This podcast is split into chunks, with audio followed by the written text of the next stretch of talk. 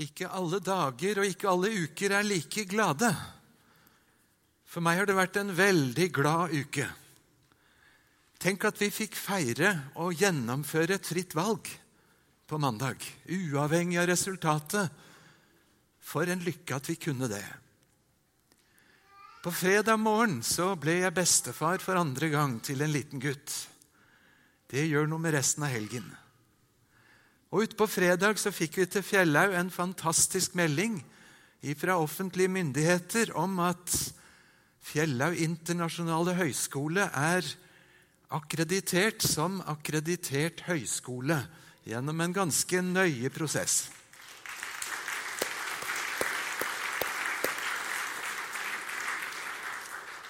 Jeg skal ikke forklare jussen i det der, men det er faktisk ting som betyr veldig mye for å få drive en skole som vår. Og må Gud gi oss at vi kan gjøre det både etter landets lover og etter Guds lover. Men så har det vært en god helg på den måten at jeg har hatt dette møtet med meg. Og nå kunne det høres ut som et alvorlig og veldig krevende emne å snakke om Skriften som norm for lære og liv og tro, og det er det.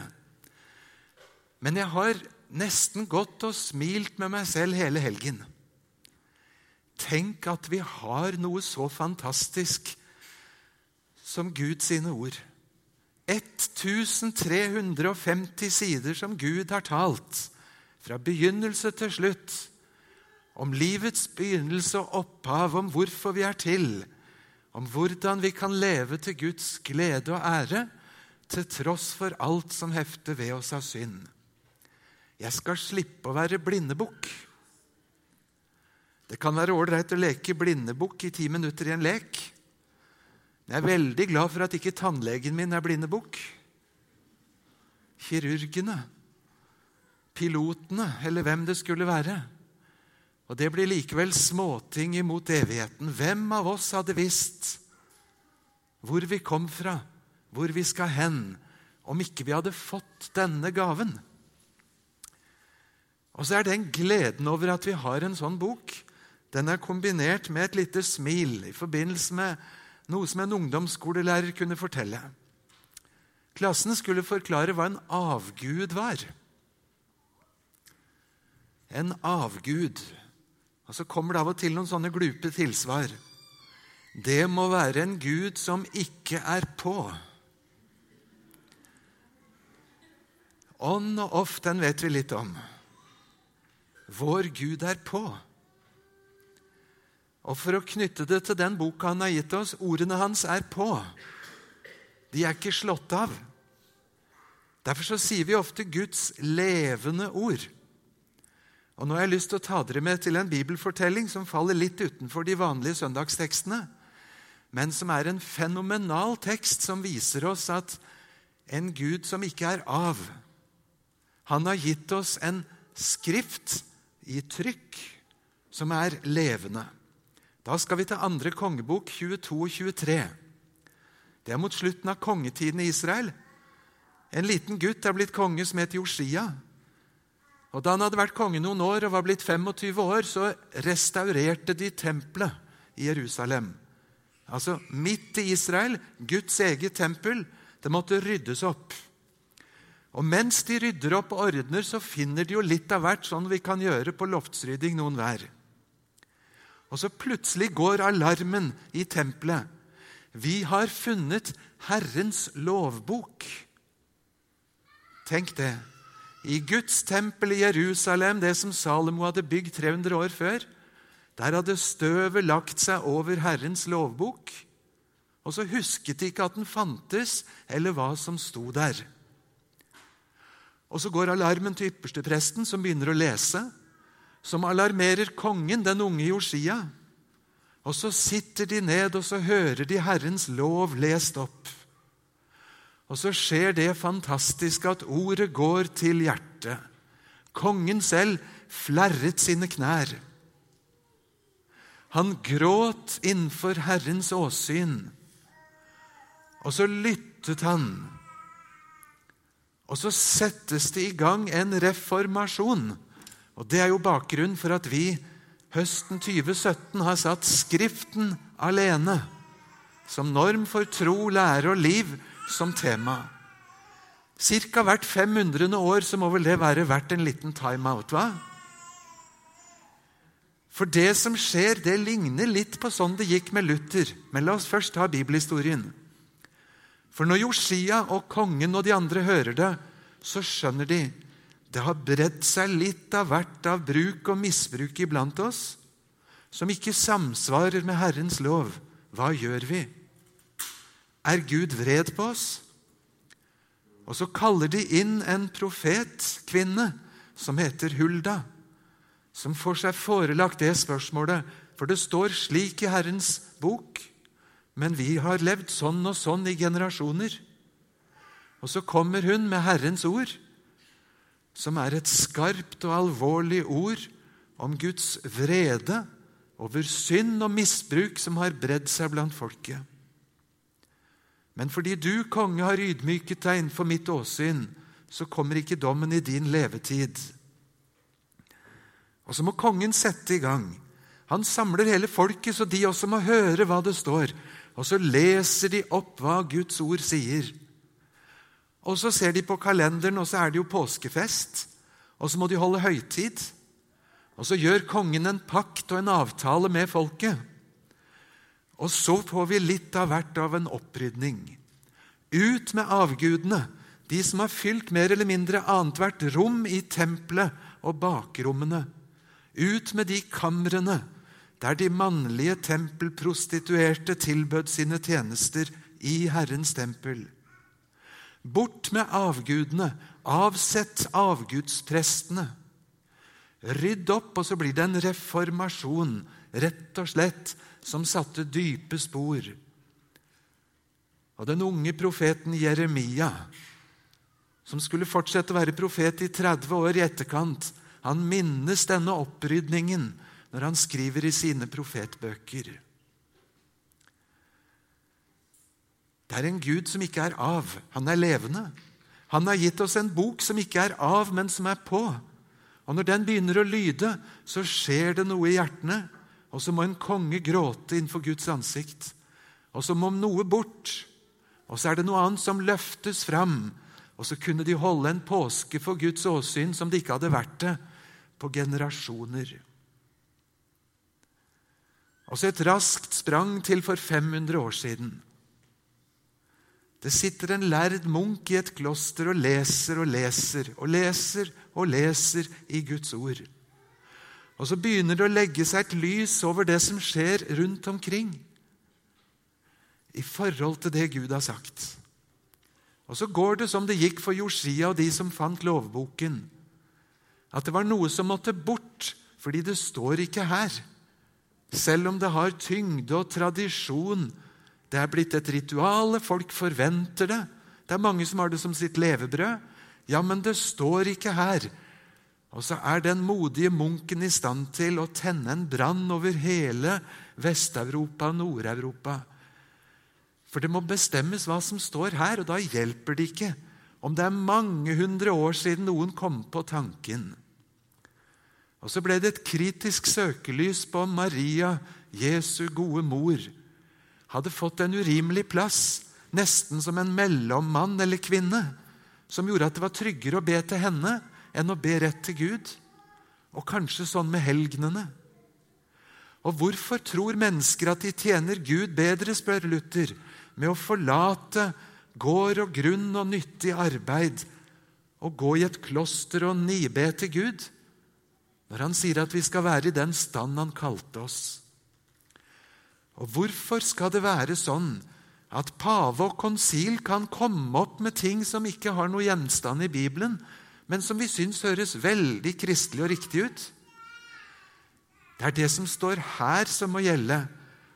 Og så var det Skriften alene som plutselig ble brukt også som en kniv som måtte skjære bort. Noe som hadde vokst seg inntil, og som menneskene hadde glemt hva var. Og Så sier Luther vi må få den boka ut. Og så tok han på seg den jobben selv, med gode venner, og oversette for første gang til tysk Bibelen. Og i hans levetid hundretusener av eksemplarer spredd utover folket. Og så innførte de, eller gjeninnførte de i kirkene, at det skulle forkynnes Guds ord på et språk folk forsto, og på en måte som nådde den vanlige mann og kvinne i gata. Og så fikk vi lyset tilbake i lysestaken. Noe måtte bort. Det å være så opphengt i alle gode minner av fromme mennesker som de kalte relikvier, det hadde jo tatt fullstendig av. Erasmus av Rotterdam, som på ingen måte var noen lutheraner, han sa jeg tror det skulle være mulig å bygge et helt skip av alle de flisene som fins rundt forbi, som folk påstår er hentet ifra Jesu kors. Og så ble det en industri av det. Og så måtte noe bort for at innholdet av evangeliet om Jesus som døde på korset for våre synder, måtte lyde så folk forsto det. Og så måtte ting formes om igjen ifra innersiden. Og så ble det en reformasjon. Og så er det fremdeles i 2017 en Gud som er på, med et ord som er levende, og som kan gjøre noen ting. Og så er det slik når Guds ord lyder i dag som før, at noe kommer i et dårlig lys. Og så er det noe som kommer i et godt lys. Og la oss stanse litt ved det gode lyset som kommer like inn i vår tid. Har du tenkt over hvor ofte du møter uttrykket 'bibelgruppe', 'bibeltime', 'bibelskole', 'bibelkveld'? Jeg har begynt å glede meg hver gang jeg ser det står i et program. Det er et signal. Hva er det som samler oss? Hva er det som er normen vår?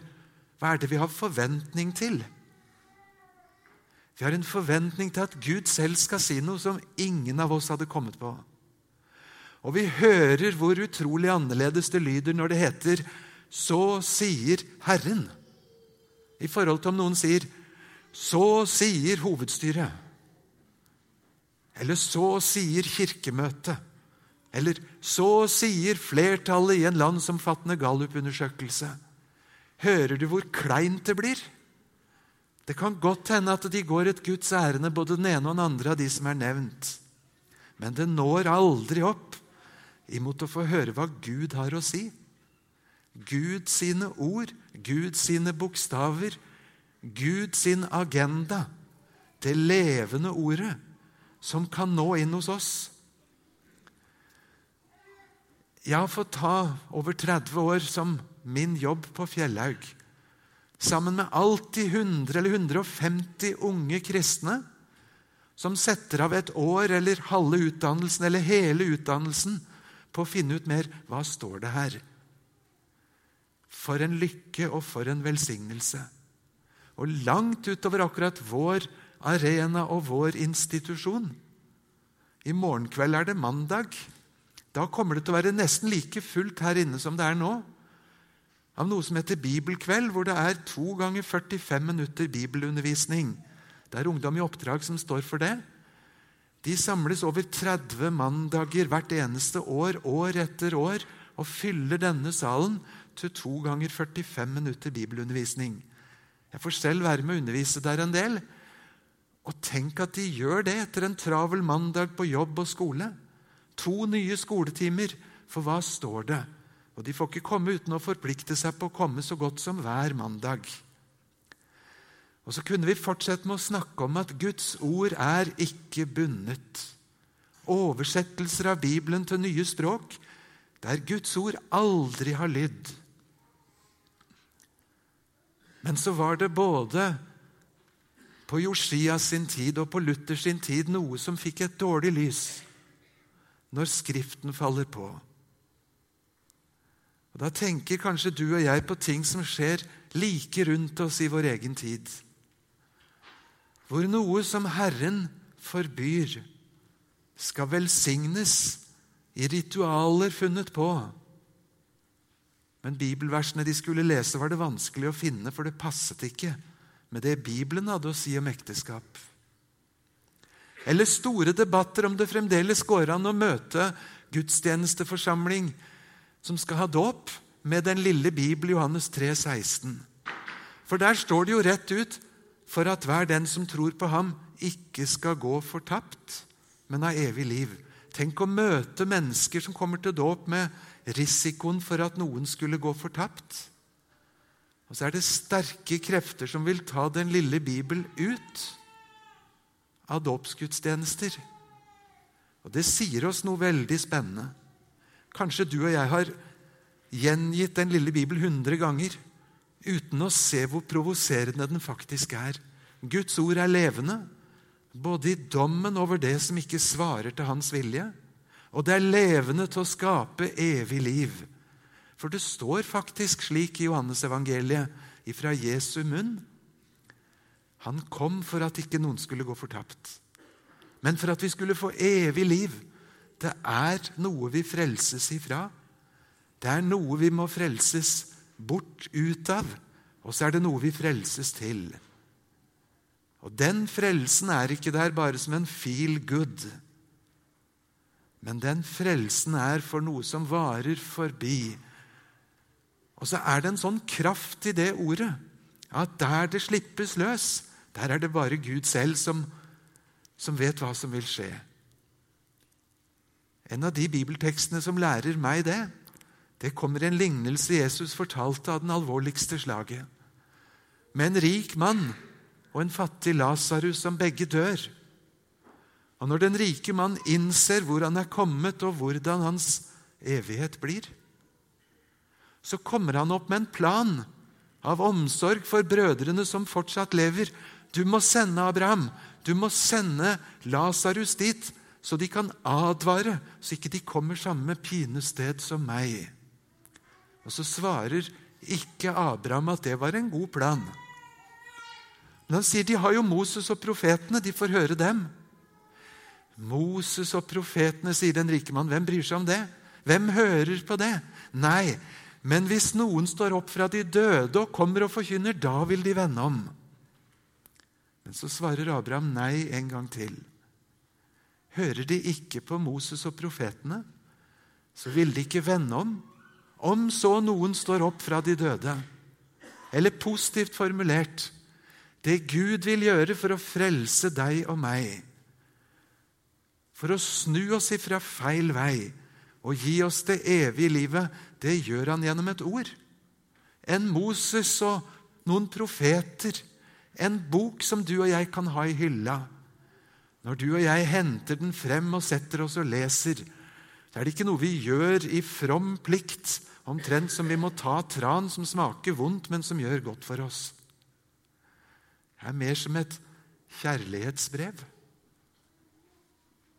Noen bruker et annet bilde og sier det er som å hente ut en vinnerkupong. Jeg vet ikke hvilket bilde som når fram til oss. Men det handler altså om at en levende Gud som ikke er av, men på. Han har noe på hjertet til deg og til meg. For liv, for evighet, for salighet. Som kan snu opp ned, og som gjør det. Og så skal ordene få lyde. Og så har vi en forventning rundt det vi leser og det vi hører, som går utover det alminnelige. Noen praktiske råd. Hvis noen spør deg hva syns du om Og så kommer det et eller annet kristelig emne. Kanskje litt vrient, kanskje intrikat. Kanskje litt sånn som noen kom til Jesus for å sette ham på prøve. Tenk om du og jeg kunne lære å svare ja, hva jeg mener om det, er kanskje faktisk ikke så interessant. Men det står noe i Bibelen om det. Og så si hva det står. Tenk om vi kunne huske å svare sånn. Så får vi indirekte sagt at min synsing og min mening den er vel egentlig ganske underordnet. Men jeg bekjenner troen på en Gud som har sagt noe, som har skrevet noe til meg. Skal vi øve oss på å svare sånn? Hvis noen spør på akkurat den måten. Det gjør de sikkert ikke neste gang, men hvem vet om det blir en anledning? For vi viser til en høyere autoritet og en høyere norm. Og Så kommer neste omgang spørsmålet ja, ja, men det er jo et spørsmål om tolkning. Det er faktisk ikke sikkert. Det er ganske mange spørsmål som er oppe i tiden, som ikke handler om at folk tolker Bibelen ulikt. Vers for vers kan ofte tolkes helt likt.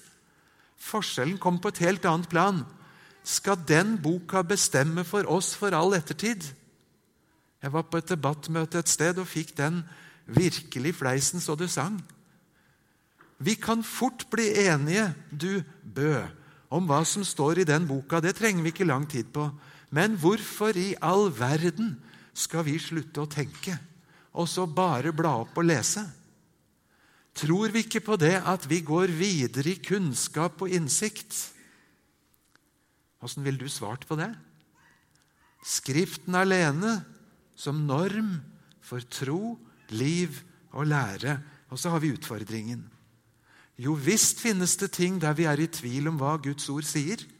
Det må vi ta på det største alvor og med den største respekt. Ikke bare slå oss billig til ro med det, men å søke etter hva står det skrevet. Men ikke la oss bli satt ut av påstanden at alt handler om å tolke, og det tolkes forskjellig. For det er ikke to tolkninger på hva bibelversene sier om at det finnes to utganger. Det er ikke to tolkning på langt de fleste av de spørsmålene som har skapt størst strid. Og så må vi svare hva jeg mener, er kanskje ikke så spennende, men det står noe skrevet i Bibelen. Og så viser vi til en høyere norm og en høyere autoritet som har mye større virkekraft. Det vet egentlig du og jeg, og det vet djevelen. Djevelen tror i en mening av ordet tro. Han tror så mye at han skjelver, og vil så gjerne at noe annet skal få den plassen. Det er ikke så mye vi kan lære av djevelen, men respekt for at Guds ord har en verdi og en tyngde og en virkekraft. Det er det nesten så du kan ane mellom linjene der i Jakobs brev, i kapittel 2. Og så er det masse andre gode eksempler. Jesus selv når Satan kommer og frister ham, så begynner ikke Jesus uten videre å diskutere, men han sier, 'Det står skrevet'. Og selv da Jesus døde på korset, forlatt av alle og av sin egen far, så får vi sitert syv utsagn fra Jesus på korset. Og faktisk, hvis du slår opp, så er de fleste av dem de er bibelsitater. Jesus siterte bibelvers i det som menneskelig sett var hans siste time. Og Skulle vi fortsette med rekken over alle gode eksempler, så ville vi holde på til morgen kveld. En Gud som ikke er av, men på, har gitt oss et ord som er levende, og som er sverdet. Det sverdet som heter Guds ord. Det som passer til den slags kamp som dette skal være i. Og så skal jeg få tro det ikke bare som en kristelig plikt, men jeg skal få tro det som et kjærlighetsbrev ifra Gud i himmelen. Hvem andre forteller deg i løpet av en uke at du er fullkommen, ulastelig, ren, uten lyte? Hvem andre forteller deg det i løpet av en uke enn Gud selv i boka? Og når det kommer til stykket, hvem andre har noe med det? Når det store regnskapet skal gjøres opp en Gud selv, og når Han sier i sitt ord at Jesu, Hans Sønns blod, renser ifra all synd så fullkomment at jeg står tilbake hellig, ren, ulastelig Ja, da skal Han få siste ord. Like inn i mitt tørre hjerte. Det siteres ofte et ord på Fjellhaug fra kollega Arne Helge Teigen. Du får tro det tørt, sier han. Du får tro det tørt. At Skriften er norm for min evige salighet. Fordi det står at alt som kunne stenge min vei til himmelen, det har Jesus, Guds lam, båret bort. Og så har Hans Sønns blod renset meg fra all synd og så er jeg i hans øyne hellig og ulastelig. Og så må jeg nesten få høre det om igjen en gang imellom, for jeg glemmer det. Og så står det der hver gang jeg oppsøker ordet. Takk og ære til Gud for det.